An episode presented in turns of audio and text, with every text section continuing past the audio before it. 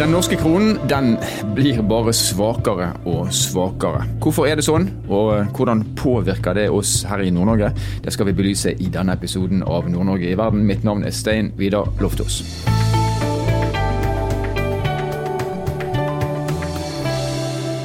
Senere i eh, denne episoden så skal vi snakke med Trond Øverås. Han er administrerende direktør i Nordnorsk Reiseliv, og representerer dermed en, ja, en næring som kanskje har flest fordeler av at eh, kronen er lav. Men før vi gjør det, så skal vi dykke litt inn i detaljene som ligger til grunn for at eh, den norske kronen svinger sånn som den gjør, og kanskje spesielt de årsakene som har ført til at kronen er blitt så svak som det han er nå, for den er faktisk historisk svak. Og ehm, Til å belyse dette temaet så har vi fått med oss Bengt Olsen. Han er CFO, altså finansdirektør i Sparebank1 eh, Nord-Norge. Og Hjertelig velkommen til oss, Bengt. Takk skal du ha. Vi skal snakke om detaljene rundt eh, kronekursen. men aller først, Hva er det som gjør at for alle valutaer svinger, hva er det som gjør at, eh, at valutaen, valutamarkedet endrer seg hele tiden? Ja, altså Underliggende så er det jo utviklinga i økonomien i de enkelte land, relativt sett, altså. Hvordan utvikler økonomien seg i ett land opp mot de andre? Eh, men så er jo valuta en, eh, en veldig hva vi skal si, psykologisk påvirka eh, størrelse. sånn at på de lange kurvene så ser man at det er utviklinga i økonomien i landet som styrer verdien av valutaen. På de korte kurvene så kan det være ganske store utslag basert på, på si, frykt og grådighet, akkurat sånn som i andre markeder, som f.eks. I, i aksjemarkedet. Akkurat. Og Nå er kronen svak, og det har han egentlig vært over ganske lang tid. Han, har, han bikker bare nedover, virker det som. Mm. Hva er det som gjør det? Ja, Det kan man jo skrive bindsterke verk om. og Vi har jo eh, spesialister og makroanalytikere som uttaler seg i media, og de er selvfølgelig ikke enige, for økonomi er ingen eksakt vitenskap.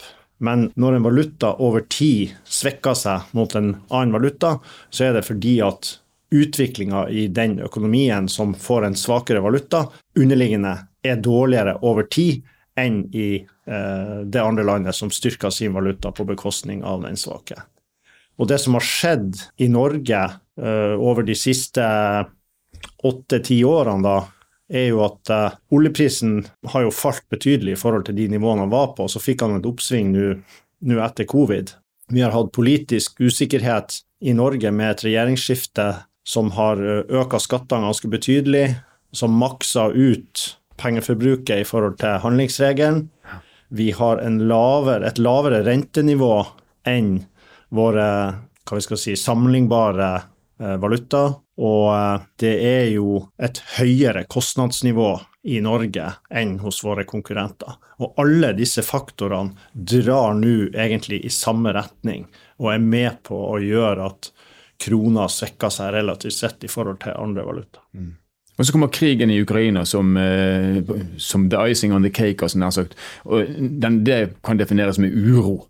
Mm. Eh, og, og, jeg hører mange eksperter sier at når det er uro, så går det spesielt utover de små økonomiene, sånn som Norge. Hva er grunnen til det? Ja, og da er vi litt tilbake på det det er kanskje litt feil å, å kalle det for psykologi, da, men det er jo sånn at alle investorer, uansett hvilket marked de er i, det de hater mest, er usikkerhet. Forutsigbarhet og trygghet er det de vil ha. Mm. En krig og en pandemi, det øker usikkerheten. Og det gjør at små valutaer som den norske krona er, de blir mer risikable å sitte i enn f.eks. euro eller dollar, eller for den del sveitserfranc. Nå er ikke sveitserfranc den er jo mye mye større enn en norsk krone, men sammenlignet med euro og dollar så er det jo ikke en voldsomt stor valuta. Men fordi at Sveits er så stabilt og har vært så stabilt over tid, så stoler folk på at sveitserne de kødder det ikke til. Uh, og så er det jo blitt en sånn saying nå rundt Norge da, at ja, vi kan ikke stole helt på, på Norge lenger, fordi at regjeringene innfører skatter med tilbakevirkende kraft og hva vi skal si, leverer ikke den troverdige og langsiktige styringa som Sveits har levert over flere hundre år. Ja, Men liten valuta gir høy risiko, investorer skyr risiko, og dermed så går de ut av det usikre og inn mot det sikre. Når det er gode tider og alle tenker at sky is the limit, så tenker de ok, nå kan jeg ta et bet på krona og så går jeg ut før ting går galt, holder jeg på å si. Mm. Og så er det mange små valutaer. mm. rundt omkring i, i, i, verden. Sverige er ett eksempel. Sverige har også svingt egentlig nedover, sånn som Norge har gjort. Mens Danmark, som òg er en ganske liten valuta, de er kobla til euroen. Mm. Og dermed så er de på en måte tryggere. Hva, hva betyr det å være kobla til euroen, og hvorfor påvirker det? Ja, Det betyr at sentralbanken i Norge så har sentralbanken et mål om å sikre en lav inflasjon. I Danmark så har de et mål om å holde valutakursen sin fast til eurokursen. Ja. Fordi at den europeiske sentralbanken har et mål om lav inflasjon. Så hvis danskene beholder sitt nivå i forhold til euro, så importerer de den lave inflasjonen fra uh, euroland. Da har vi eh, bildet på hvorfor ting eh, svinger, og indirekte også hva som man kanskje burde gjort for å, for å få dette til å svinge i motsatt retning. Men hvis vi ser på hvordan det her påvirker næringslivet for Man hører ofte at Nord-Norge f.eks. har en eh, fordel av at kronekursen er lav fordi vi eksporterer mye, mens andre deler av landet ikke har det. Hva er den samla effekten av en svak krone for det norske næringslivet, og kanskje det nordnorske da i, i, mm. spesielt? Ja, på kort sikt så er det faktisk en positiv effekt, i hvert fall i et næringsliv som er eksportorientert, sånn som det nordnorske er.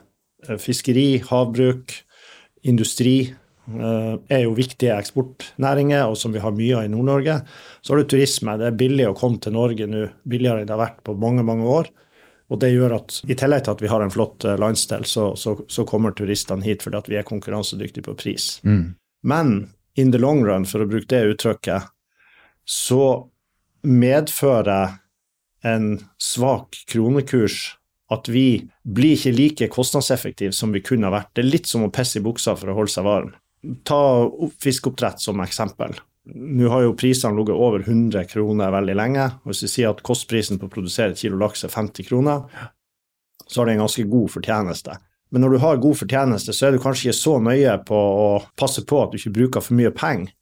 Hvis du over tid da plutselig får en kostpris på 60 kroner på å produsere laksen, eh, eller så endrer valutakursen seg, så får du ikke lenger 100 kroner per kilo, du får kanskje 60 kroner per kilo. Da går du i null. Men hvis du hadde vært stram på kostnadsstyringa, som du ville ha vært tvungen til å ha vært med en valutakurs som var mer sammenlignbar med konkurrentene dine, så hadde du ikke havna i den situasjonen. Så Norge som nasjon vil over tid svekke sin konkurranseevne ved en eh, svak kronekurs. I tillegg så har du en veldig negativ effekt, og det er at du importerer inflasjon.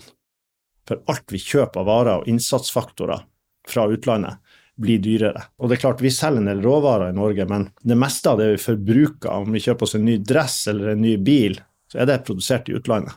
Og alt det blir dyrere. Så ja, for næringslivet i det korte bildet positivt. For folk flest ikke positivt i det hele tatt, fordi at alt du kjøper, blir dyrere. Og når inflasjon går opp, så er det bare ett virkemiddel vi har, det å sette opp renta. Det kommer Norges Bank til å bruke, det har de brukt, det kommer de til å fortsette å bruke. Som igjen rammer den vanlige mannen i gata. Så eh, det er vel ikke akkurat riktig å si at det er vanlige folks tur. Det, det, jeg vil si det er det motsatte. Det er vanlige folk som tar regninga. Men her, i det resonnementet ditt nå, så hører jeg en dissonans i forhold til det regjeringen sier. fordi at vi så, Denne uken her så, så vi at Vedum var ute og sa at en lav rente er viktigere enn en sterk krone. Men det du sier er at hvis renten holdes for lav, så vil det hold, sørge i, i, tur for at kroneverdien kommer til å være nede. Og dermed så importerer vi inflasjon, og så blir det dyrere eh, for folk i Norge uansett. Det er helt riktig. Ok, Så dette er rett og slett en eh, jeg skal ikke si et feilgrep, for det blir frekt, men det er i hvert fall en, negativ spiral vi skaper med å holde renten lav i øyeblikket. da. Ja, åpenbart. Og, og det og frem, Nå har jeg ikke hørt det han, han, Vedum sa, men å fremstille det på den måten, det vil jeg nesten si å føre folk bak lyset. Ja. Selvfølgelig er det gunstig med en lav rentekurs, det ønsker vi alle.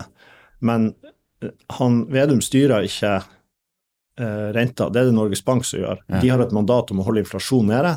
Og hvis vi importerer inflasjon, så kommer de til å sette opp renta. Dette er også grunnlaget for at renteforventningene nå har steget betydelig bare de siste ukene, fordi at man ser at det er mer krevende enn man trodde å få kontroll med inflasjon, og at kronekursen har svekka seg ytterligere. Det blir interessant å følge dette her fremover. Ditt, sett ifra ditt ståsted, eh, hva må til for å styrke kronen? Eller kanskje aller først, trenger vi å styrke kronen? Ja, jeg tror, eh, jeg tror det er et poeng at vi ikke fortsetter å svekke krona mot våre naturlige handelspartnere. Uh, over tid tror jeg vi uh, bør det være et mål å holde den stabil. Om, om den skal litt høyere opp fra dagens nivå, det, det tror jeg personlig kunne vært uh, fornuftig. F.eks. For rundt 10 kroner per euro, som vi har vært vant til i, i mange år, og, og nå er den rundt 12. Men det er vanskelig å ha en kvalifisert mening om det. Det blir egentlig litt mer synsing. Men det som er viktig nå, er at vi ikke fortsetter å svekke krona, og at vi stopper importen av inflasjon.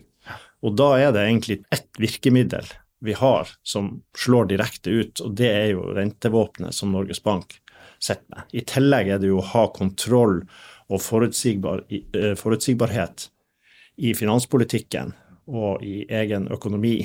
Men det som slår raskest og mest direkte, det er rentesetting. Men er det ikke sånn da at hvis renten går opp, så kommer folk flest til å kreve økt kjøpekraft fordi ting blir dyrere, og så får de økt kjøpekraft, og så driver det inflasjonen på nytt igjen? Da er vi inne i en lønns- og prisspiral, og det var vi på 70-tallet. Ja. Og det er det en reell risiko for at vi kan havne inn i. Og da kan det gå mange år før du klarer å få ned inflasjonen, og det vil ha veldig store skadevirkninger for økonomien og for folk flest. Og igjen, da er vi på piss i buksa-analogien. Eh, det, det, føles bra å få kompensert for inflasjon, selvfølgelig, og, og, egentlig er det ikke mer enn rett og rimelig, men den langsiktige effekten av at man gjør det år etter år, er at du får over tid ei høyere rente, for da må Norges Bank motvirke dette med, med rentevåpenet, og da vil du uansett ikke sitte igjen med noe mer penger at the end of the day. Så det å faktisk få til en avtale sånn som man fikk på 90-tallet mellom myndighetene og partene i arbeidslivet for å liksom stoppe denne negative spiralen, det tror jeg kunne vært en veldig god idé. Et solidaritetsalternativ to, kanskje. Så oppsummert, opp med renten, ned med forbruket, og så stabile politiske satte rammevilkår for næringslivet. Da er vi der. Da er forutsetningen for å, for å, å få en riktig utvikling til stede. Men som jeg sier, det er alltid psykologi i dette. Og, og selv uten at vi gjør noe, så kan sentimentet i markedet snu. Så, så tenk liksom ok, nå kommer det til å skje noe. Nå tar Norges Bank grep osv., og, så videre, og så begynner kronekursen å gå, og så hiver folk seg på. Eh, men hvis du ser på den lange kurven over tid, så er det stabilitet, trygghet og mangel på usikkerhet som gjelder. Og da er egentlig den oppskrifta du beskrev, eh, ganske god. Med Putin som joker. Tusen takk for at du kunne være med og opplyse oss, Bengt Olsen, CFO i Sparebank1 Nord-Norge. Takk skal du ha.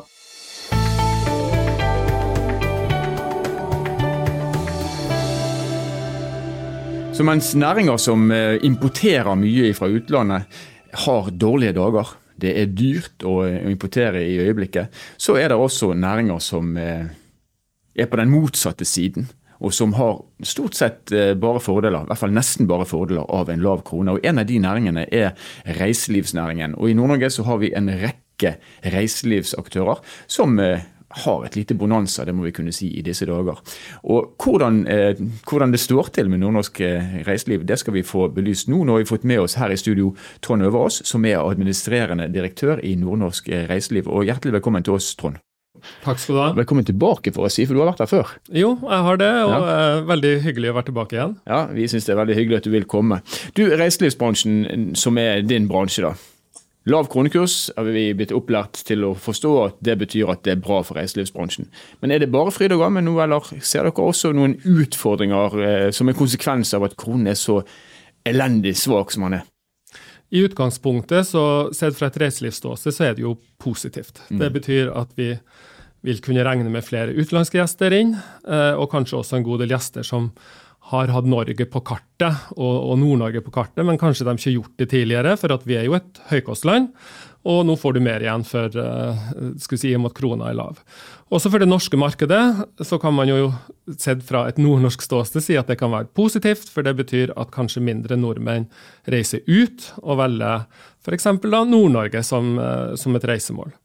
Samtidig så ligger det også eh, kan være noen utfordringer i det. og Det er jo kanskje spesielt knytta til kostnadsnivået i forhold til de som driver, og der du er avhengig av varer som kanskje også, også da blir tatt inn fra utlandet. Det kan være til dels innenfor hotell og restaurant f.eks. Eh, og da vet vi jo at når kronekursen er, er lav, eh, og du importerer varer, så blir jo varene mer kostbare når du tar inn fra utlandet.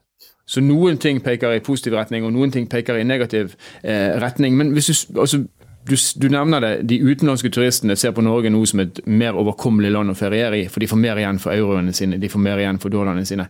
Er det noe endring i hvem som kommer fra utlandet? Man kan si at eh, som et utgangspunkt eh, så er det ikke så stor endring. Men det en lav krone det fører jo også til at kanskje en del som har vurdert Nord-Norge f.eks. tidligere, og ikke har gjort det med utgangspunkt i kostnadsnivå, når krona var ikke lav, men, men høyere, eh, de vil nå velge eh, f.eks. Nord-Norge som et reisemål. Eh, så Sånn sett så kan vi jo få en del gjester som har hatt dette på planen tidligere, men nå faktisk velger å gjøre det for at de får mer igjen for pengene. Mm. Men er det, de samme, altså er det Storbritannia, er det, er det, USA, er det de samme landene som vi har sett over tid, eller ser vi nå eh, kanskje noen helt nye? For det, krona jo svekker seg mot gud hjelpe meg, hver eneste valuta i hele verden, virker det som. Ja, det, det stemmer. Men, men, samtidig så vet vi også at uh, du kan si at etter denne koronapandemien så er det nok mest europeere som vi kommer til å se i, i nord. Eh, og det er for så vidt forventa, men, men, det er også interessant å se at f.eks. nå i vinter så eh, har det vært en økning i det amerikanske markedet.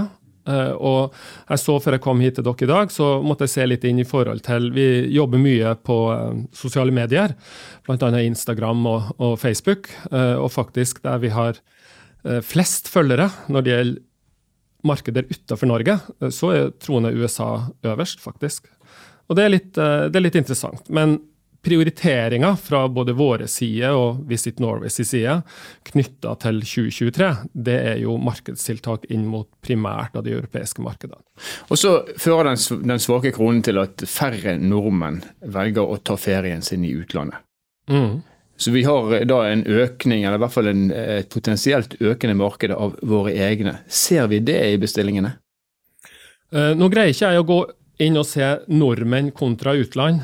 Nå har jeg sett litt inn hos NO Reiseliv. De gjennomfører jevnlige undersøkelser blant sine medlemsbedrifter. Nå er jo dette indikasjoner, så vi må ta det som en indikasjon.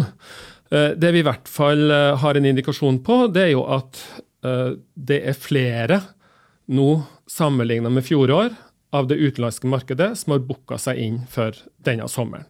Og Jeg har sett litt på Troms og, og, eh, Troms og Finnmark og, og Nordland. Eh, og Der ligger vi sånn en plass mellom 60-70% sier at de har uendra eller bedre innbooking fra utenlandske gjester. Eh, og Generelt så, så, er det mange positive tilbakemeldinger i forhold til denne sommeren, men samtidig er det også en del usikkerhet. Også knytta til det norske markedet. Nå gjøres det en del, analyser. Blant annet så gjør eh, flere forsikringsselskaper nå analyser. Og det viser jo at andelen av norske potensielle gjester, nå snakker jeg ikke bare om Nord-Norge, eh, men eh, den øker knytta til det å eventuelt revurdere sin ferie med utgangspunkt i privatøkonomi. Og det vet vi jo at vi har hatt en ganske heftig prisstigning innenfor mange, mange områder. Eh, og det kan slå ut. Og vi er litt sånn usikre i forhold til det, det, norske markedet. Hvordan vil dette faktisk eh, slå ut i forhold til norske gjester? Men samtidig så vet vi også at det er flere nordmenn som nå sier at de vil feriere i eget land. Mm. Så den, den, trenden vi har snakka litt om eh, i forhold til koronaperioden, når mange nordmenn opplevde sitt sitt hjemland, da, eh, den ser jo ut til å, til å holde seg. og Det er nok også, også noe påvirka i forhold til kronekurs. Men, men hvis, For å ta det enda litt lenger, da. Hvis det er slik at kjøpekraften går ned, vi vet han gjør det, kjøpekraften går mm. ned for, for, våre, for, de som bor i Norge. Når de da skal planlegge innenlandsferien sin, eh, kan vi forvente at eh, altså storparten av nordmenn bor i Sør-Norge, at de kommer til Nord-Norge? Eller er kjøpekraften blitt så svekka at bergenserne begynner å feriere i Bergen, for å si det sånn? Ja, det, som, det noen analyser peker på, det er jo at interessen for Nord-Norge, eh, den er god. Mm. Samtidig så er det jo helt riktig som du trekker fram, eh, der det er flest potensielle gjester, det er de sentrale østlandsområdene. Vi vet også at interessen for Vestlandet er, er stor. Eh, så kan man jo begynne å dra noen litt sånn hypoteser og, og tanke, tankespill, da. Det er klart, eh, Veien fra det sentrale Østland til Vestland er kortere enn fra det sentrale Østland til, til nord. Eh, vi vet også at eh, prisstigningene har jo bl.a. ført til at flyprisene er høyere. Det er dyrere drivstoffpriser, så det å komme seg til, til nord er dyrere. Sånn at det er faktisk litt vanskelig å se inn i, i glasskula hvordan dette faktisk vil slå ut. Men vi vet også det at vi har jo tradisjonelt hatt mange godt voksne gjester i nord fra det norske markedet. Og Noen analyser peker på at eh, jo eldre du blir, jo mer holder du fast ved de planene du har lagt, og er lik du gjennomfører hvis du har planlagt en reise til nord, f.eks. Mens vi også ser noen analyser som peker i retning av at eh, de litt yngre, altså da snakker man om sånn 18-30 eh, år, sånn røftlig, eh, de vurderer nå nærmere hva de skal gjøre, med utgangspunkt i at privatøkonomien for en del er, som vi vet, mye strammere enn hva den har vært. Så det er litt vanskelig eh, å gi et helt klart, eh, et helt klart bilde. Eh, og så har vi været, da. For det er også en faktor. Det, det, kan vi, det, kan vi, si mye om. ja, det kan vi si, si, mye om akkurat i disse dager. Men, men været kan også, spesielt for det norske markedet, slå ut både positivt for nord og til tider litt negativt. Men, men altså, jeg, eh, jeg, er optimist, jeg. Sånn at jeg forventer jo at Nord-Norge skal få uh, godt med norske gjester også. Og så vet vi, som jeg sa, var inne på tidligere, at innbookinga fra utland, uh, der indikerer det at det er høyere enn tidligere år. Ja. Så får vi fasiten etterpå. Vi kan i hvert fall slå fast at eh, de som skal erstatte sydenturen sin, de reiser kanskje heller til Kristiansand enn til Kirkenes. Men det vet vi heller ikke før etterpå. Men hvis vi skal se på tallene, Trond, som du, indikasjonene som du sier for, eh, for 2023, og måle det mot kanskje det som vi regner som det siste normalåret, som var 2019, altså før pandemien. Eh, er det en økt tilflyt av turister til Nord-Norge, eller er vi på samme nivå, eller går det ned? Ja, Der skulle jeg gjerne hatt, uh, hatt tall å gi deg. Uh, det, det, vi vet, uh, det er i hvert fall at fjorårets sommer det var en økning i forhold til 2019, som vi ofte snakker om som siste normalår. da. Ja. Og så Hvis vi kobler det da til de indikasjonene vi har gjennom den NO reiseliv-analysen, så vet vi at det er en høyere prosentandel nå som melder at de har en uendret eller bedre innbooking mm. for denne sommeren.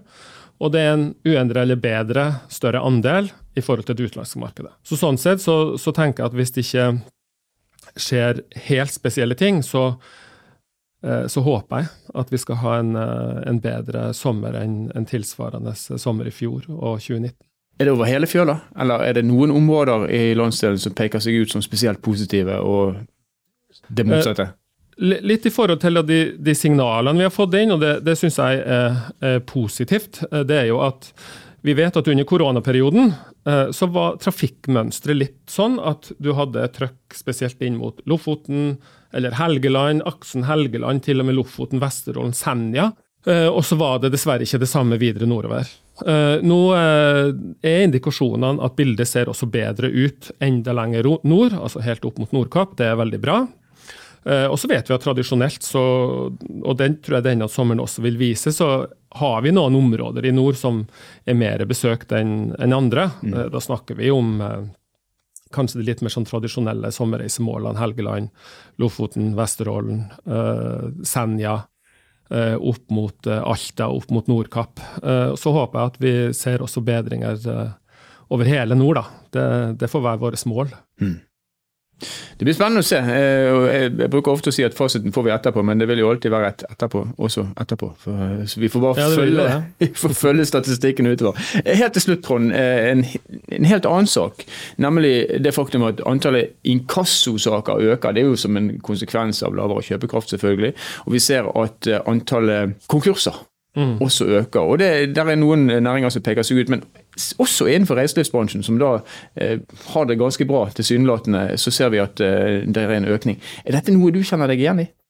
Altså det, det, er noe av uh, selvfølgelig signaler vi får, uh, og det er, det er bekymringsfullt. Mm.